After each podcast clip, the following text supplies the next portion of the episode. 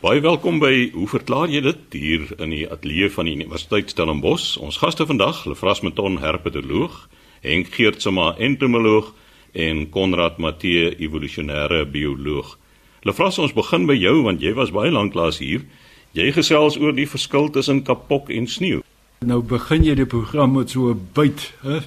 Chris, kollegas, luisteraars, ek was so vroeg in Augustus daar met die lang naweek was ek 'n bietjie Graafrenet toe. Dit was interskole en dan die Vrydag aand, dit was 'n ysige koue dag, 7 grade dinge, heeldag was die maksimum en gesneeu of is dit nou dalk kapok. En die Vrydag aand is dit nou die groot funksie en ek wil net sê daar's aan baie mense wat hoe verklaar jy dit luister en ek het sommer blitsig het ek 'n vraag gekry die bekende GT Ferreira in die sakewêreld is hy mos nou een van die groot manne en hy kom toe na my en seker nou na aanleiding van die koue temperature daar buite wil hy weet wat is die verskil tussen kapok en sneeu en ek was huiwerig om 'n antwoord te gee tot sy ontsteltenis. Ek toe verduidelik maar ek is 'n bioloog ek weet nie veel van hierdie goedie maar ek sal 'n bietjie gaan uitvind. En ek het toe bietjie gaan rondspeel op die rekenaar, gekyk wat aangaan en gesien oor die jare heen op die sosiale media is dit maar heeltyd 'n storie wat elke jaar gevra word. Wat is kapok en wat is sneeu en is daar 'n verskil tussen hulle? En hierso een van hierdie inskrywings wat ek gesien het wat vir my nogals baie komies is. Dit is ene Johan Botha wat nou geskryf het. Hy sê kapok is wit en sneeu is spierwit en albei is flippenkoud. Op as ek nou verkeerde woord. Maar as mens nou bietjie verder lees dan is die opsomming dan nou van die meeste mense stem saam so sien hulle dit dat sneeu is klein kristal of ysballetjies en kom voor in ysige weerstoestande en in sommige streke mag dit ook bekend staan as ysreën. Dit kom dan voor as fyn haal. Dit is dan gewoonlik meer op die hoër hoogtes in die berge wat dit plaasvind. En dan volgens die meeste mense is kapok dan nou wanneer die kristalletjies sulke veertjies vorm wat so saggies neerdaal. Nou Ek het daai aan daar by Graaf Renet ook dadelik gevra want daar's toe nou sommer dadelik 'n bespreking oor die ding wat is die Engels vir kapok en niemand kon vir my 'n antwoord gee nie. So asof kapok dan nou iets is wat net hier in Suid-Afrika voorkom en nêrens in die res van die wêreld nie. Nou ja, die kapok stories soos dit hier beskryf word, hierdie veertjies, dit is mos maar sneeu. Dit is soos almal vir jou sal sê dit sneeu.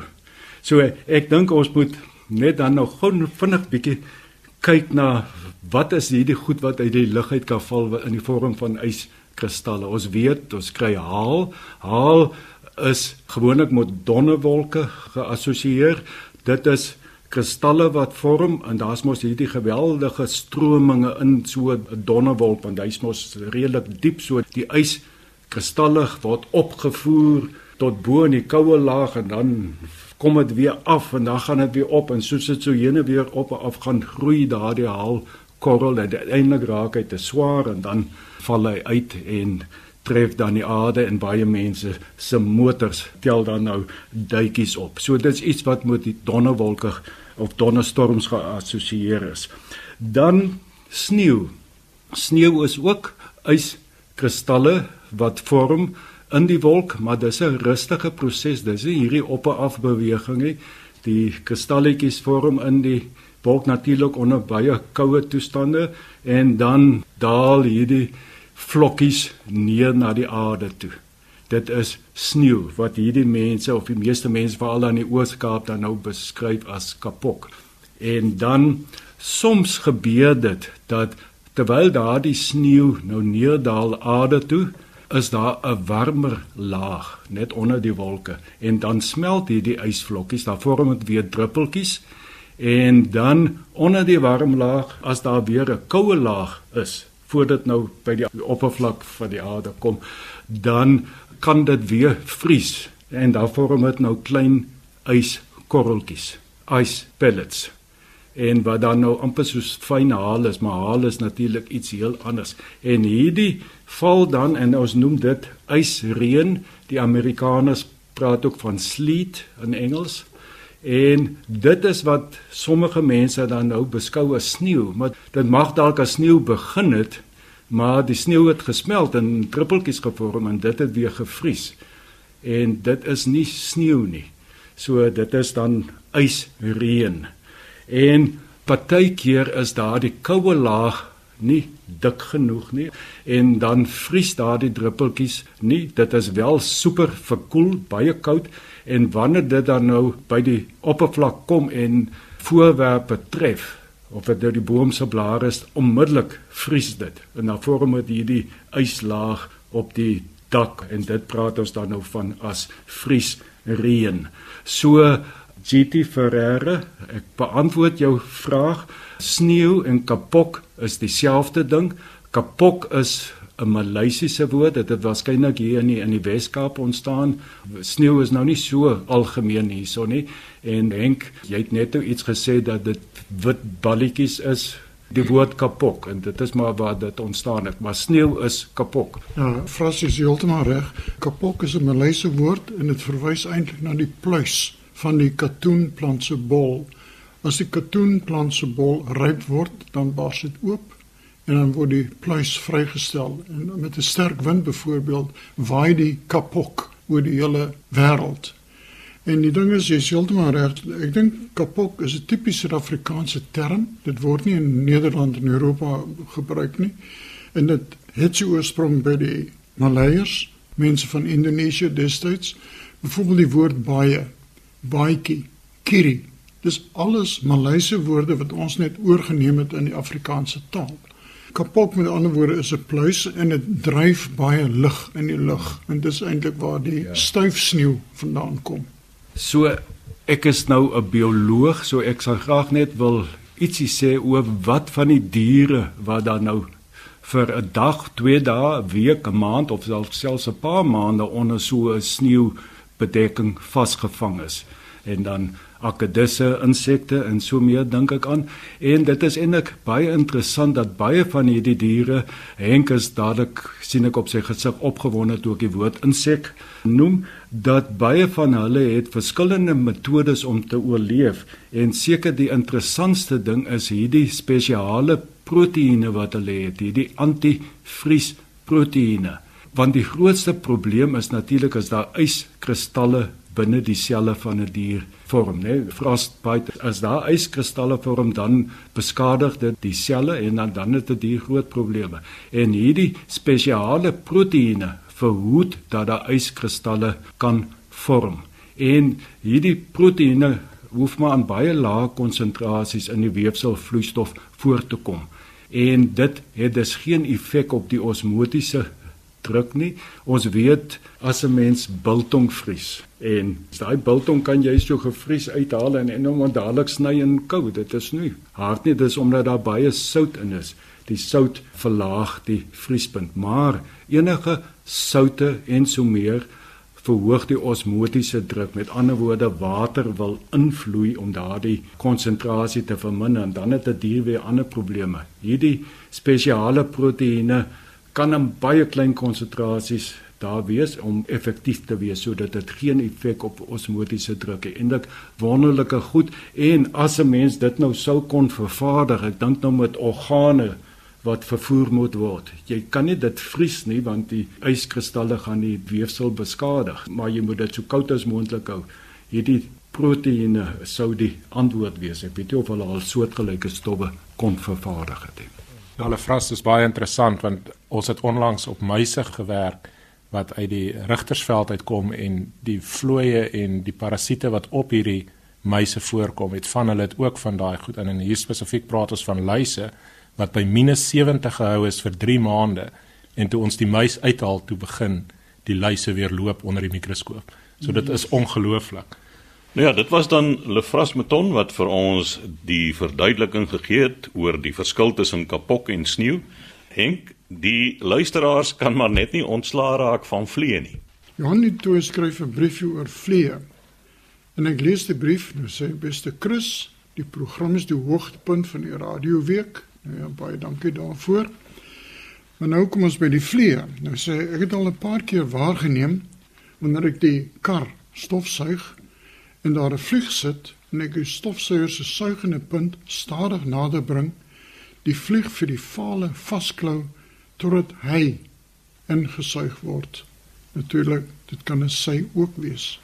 Die vraag is die wind suigkrag 'n onnatuurlike prikkel waarop die vlieg nie kan of in staat is om te reageer nie. Nou, hierdie is eintlik 'n baie baie interessante vraag. En miskien is die antwoord net so interessant. Kom ons probeer. In die natuur word vliee eerder aan 'n direkte blaaskrag van die wind blootgestel. Die reaksie van die vlieg is dan om so te oriënteer dat die minste weerstand teen die wind gebied word. Met ander woorde, die vlieg is aerodinamies ontwerp. Om te keer dat die vlieg wegwaai, maar na agtertoe gewaai word, klou die vlieg aan 'n oppervlakte. Nou Johan sê nie of dit 'n gladde oppervlakte was of dit materiaal was in die motor nie. Maar die pote van die vlieg, daar's natuurlik 3 paar en erhaal weer eens 'n insek het nie 6 pote nie. 'n Insek is bilateraal simmetries, hy het 3 paar pote. Nou elke poot se voet, die peritarsus, bestaan uit twee lobbe met 'n lob tussenin. Nou die twee buitenste lobbe het 'n hakie, terwyl die binneste lob het 'n suig 'n nat kleefoppervlakte. Met ander woorde, as 'n vlieg byvoorbeeld op 'n glasoppervlakte gaan sit, soos teen 'n lamp, dan is dit die suignappies op die middellob van sy voet wat eintlik vassuig. Nou ek het ook al by 'n vorige program gesê dat die probleem vir die vlieg is nou hoe om van die glas te ontsnap. Maar die natuur het weer eens 'n wonderlike ding gedoen. Hulle het 'n sogenaamde empodium ingebring. Dit is 'n stafie wat ook in die middel van die voet sit en die stafie lig eintlik die suignappies weg van die oppervlakte sodat die vlieg kan wegvlieg. So as die vlieg wil regtig kwaad maak, verwyder daardie stafies, dan sit hy aan hy lamp vir ewig. So henk insekte of vliee, hulle mag glad nie van van 'n waals kragtig gebruik soos by geitjies byvoorbeeld wat ook mos so kan vasklou. Kyk, vliee is nou wel antromorfies en anto mens georiënteerd, maar ek dink nie al ooit van van der Waal se teorie gehoor nie en hulle stuur hulle ook nie daarin. Nou om terug te kom, nou by die pootjies, met ander woorde, nou die hakkies aan die buitekant van die lobbe en die suiglobbetjies aan die binnekant van die voet sorg dat die vlieg kan stewig sit. Nou 'n suigkrag is natuurlik 'n ding wat 'n teenoorgestelde krag uitoefen. En dit is onnatuurlik vir die vlieg. Maar in die geval sal die sitposisie dieselfde bly. Maar nou word die vlerke van die vlieg, onthou, die wind kom nou eintlik van agter af, word die vlerke opgewaai, met ander woorde die hele stroombeleining word opgevoeter om die plat Afrikaans te gebruik en die hakkies wat georiënteer is om wind van voor af te keer word losgeruk as dit ware. En nou sit die vlieg nog net al wat vasklou is sy suignappies, maar as die suigkrag wat natuurlik van agter af kom, is 'n wind wat van agter af kom, gaan die vlieg net wegblaas want die suigkrag is nie sterk genoeg om te bly sit nie. Wat ook interessant is, as 'n mens byvoorbeeld 'n vlieg neem en jy oriënteer dit in 'n lugstroom van voor af. En jy beweeg die lugstroom se hoek weg. En so jy sien dat die vlieg oriënteer hom of haarself ook om die minste windweerstand te kan bied. So die vlieg oriënteer, maar as die vlieg in 'n kar sit en jy kom skielik met 'n stofsuier, kan die vlieg homself nie heroriënteer ten opsigte van die suigkrag nie. Wat hy wel is om hom of haar genoeg tyd gee om heeltemal 'n 180 grade draai te maak om die suigkrag dan te ervaar wat die wind oor die vlieg waai, sal die vlieg wel bly sit. So speel maar 'n bietjie rond met die stofsuier en kyk of die vlieg homself kan heroriënteer. Johnny toe, dit is nie 'n eenvoudige vraag nie, maar 'n baie interessante vraag en ek hoop ek het dit goed beantwoord. Maar ek wat vir my opvallend is, as jy met 'n vleeplakkie naderkom, dan los hy baie vinnig daai ruit waarteen hy vasgesuig het. Kyk, mens moet nie vergeet die vlieg het saamgestelde oë. En elke oomatidium of faset tel 'n beeld op en so gou hulle beweging ervaar, dan weet hulle hier kom pere. So sê Henk Geertsma, ons entomoloog, laaste aan die woord vandag, Konrad Matthee, evolusionêre bioloog. Konrad, dit is blykbaar so dat sommige mense walvisse baie makliker en beter raak sien as ander. Dankie Chris, goeiemôre luisteraars en kollegas. Ja, dis waar, die vraag word gevra deur meneer Pieter Lou en hy lyk na 'n kranige walviskyker want hy sê hy kan tot as hy langs die strand stap sommer hier naby Kaapstad dan sien hy partykeer tot 12 walvisse en van hulle is soos in 200 meter ver en ander is 400 meter ver en hy werk dit uit met die hoogte van die spuit wat die walvisse natuurlik maak as hulle hulle lug uitasem. So dit is duidelik dat meneer Lou is 'n kranige walviskyker. Maar hy sê dan kom staan ander mense langs hom En dit maak nie saak of hy beduie nie, hulle kan glad nie die walvisse raak sien nie. En hy wonder hoekom is dit so? Maar sy enkelike vraag is hy het dan sy eie antwoord gedink en gewonder of dit iets uit te waai het met die koördinering van die mense se oog en brein. Maar nou vra hy eintlik en ek dink hier is 'n bekommernis vir baie ouers oor die tieners wat so na skerms kyk. Mense as mense nou die hele tyd na 'n klein skermpie staar op mense selfoon of op iets anders of TV kyk, dan leer mense oë nie om wyeer beelde te kan sien nie. So as mens in die natuur kom, is dit dan so dat 'n mens dan byvoorbeeld nie die walvisse kan sien nie want mens staar te veel na skerms. Nou ons weet almal vir voelkykers As mens in 'n bos kyk, party mense het die aanleg aangeleer om voëls baie makliker te kan sien as ander mense. So daar is iets met kondisionering hierso uit te waai. Maar ek wil so begin. Ja, dit is waar, ons sien nie almal ewe goed nie. So party se oë kan dalk net sleg wees en hulle kan nie die walvisse sien nie oor dat hulle oë swak is. Maar kom ons aanvaar dat die twee persone wat langs mekaar staan ewe goed kan sien. Party sien die walvisse, ander sien nie die walvisse nie. Maar kom ons begin so. Ek wil eers vertel van die oog en die oog het 'n baie belangrike funksie binne die mens. Byvoorbeeld jou oog is verbind met die proprioseptiewe sentrums in die brein Nou hierdie sentrums is verantwoordelik om die liggaam in spasie en ruimte basies te sê waar staan 'n mens, hoe ver is jy voor, hoe ver is jy agter, is jy besig om te beweeg. En in hierdie selfde en daar is omtrent 20% van die optiese senuwees wat direk in hierdie proprioseptiewe sentrums inloop. En hulle is dan natuurlik verantwoordelik vir die regulering van balans. Hierdie sentrum sit in die cerebellum van die mens se brein en hierdie deel is ook verantwoordelik om ons geheue te kan stoor en hoe ons dinge kan onthou, soos byvoorbeeld hoe om jou skoene vas te maak en hoe om fiets te ry. So deur met ander woorde iets te sien word daar 'n beeld gestoor in die brein. Hierdie beeld kan herhaaldelik opgeroep word sonder om daaraan te dink eers. Ons hoef nie te dink hoe ry mens fiets nie of ons hoef nie te dink hoe lyk 'n walvis nie. As ons weet hoe hy moet lyk, dan kan ons hom oproep. Maar Hoe meer mens die beeld sien, hoe meer kondisioneer ons die brein en hoe beter maak ons die brein om dit te kan waarneem en te herken. So kondisionering is gefestig op leer. Hoe meer mense sekere ding sien of doen, hoe makliker is dit vir die brein om iets waar te neem wat soortgelyk is of om dieselfde aksie weer te kan uitoefen. Om die prinsip van kondisionering te verduidelik, kan mens veral kyk na sportafrigting. Daar's 'n redelike groot veld in die literatuur wat hierop handel. Rudy Meyer van Southern Cross Universiteit in New South Wales in Australië het byvoorbeeld 'n rubriek geskryf waarin hy meld dat om suksesvol in sport te wees, moet mens die brein ook oefen om dinge vinniger en meer akkuraat waar te neem. As mens na rugby kyk, vinnig op die bal wees, weet hoe ver mens die bal moet gooi, anders mis die ander persoon die bal. So jou persepsie van die omgewing om jou is baie belangrik in sport. As mens hierdie bewegings die hele tyd oefen in 'n beweging, gee die bal aan, gee hom vinnig aan, weet hoe ver om gooi, leer jou brein om beter sport te kan speel.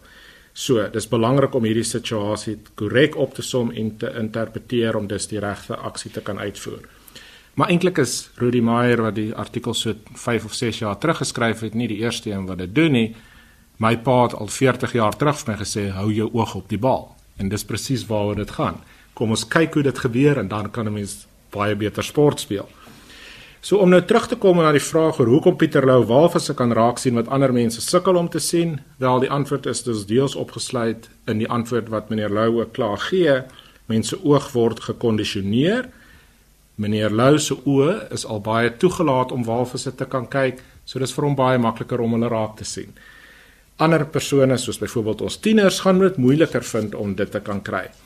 Hulle kyk die hele tyd na skerms en miskien is dit moontlik vir die tieners om die klein walvisie op die skerm baie makliker raak te sien as wat meneer Lou die skerm sou raak sien want sy oog is nog nie blootgestel daarin en sy meneer Lou nou natuurlik ook 'n kranige rekenaarspeler is. Dit weet ons nou nie. Maar so dit hang dus af wat ons elke dag met ons oë maak en waaraan ons ons oë en ons brein blootstel. Maar gelukkig is hierdie kondisionering iets wat mens maklik vergeet nie. Dit is deel van die prosedurale geheuestelsel. Dis 'n onwillekeurige geheuestelsel in die brein.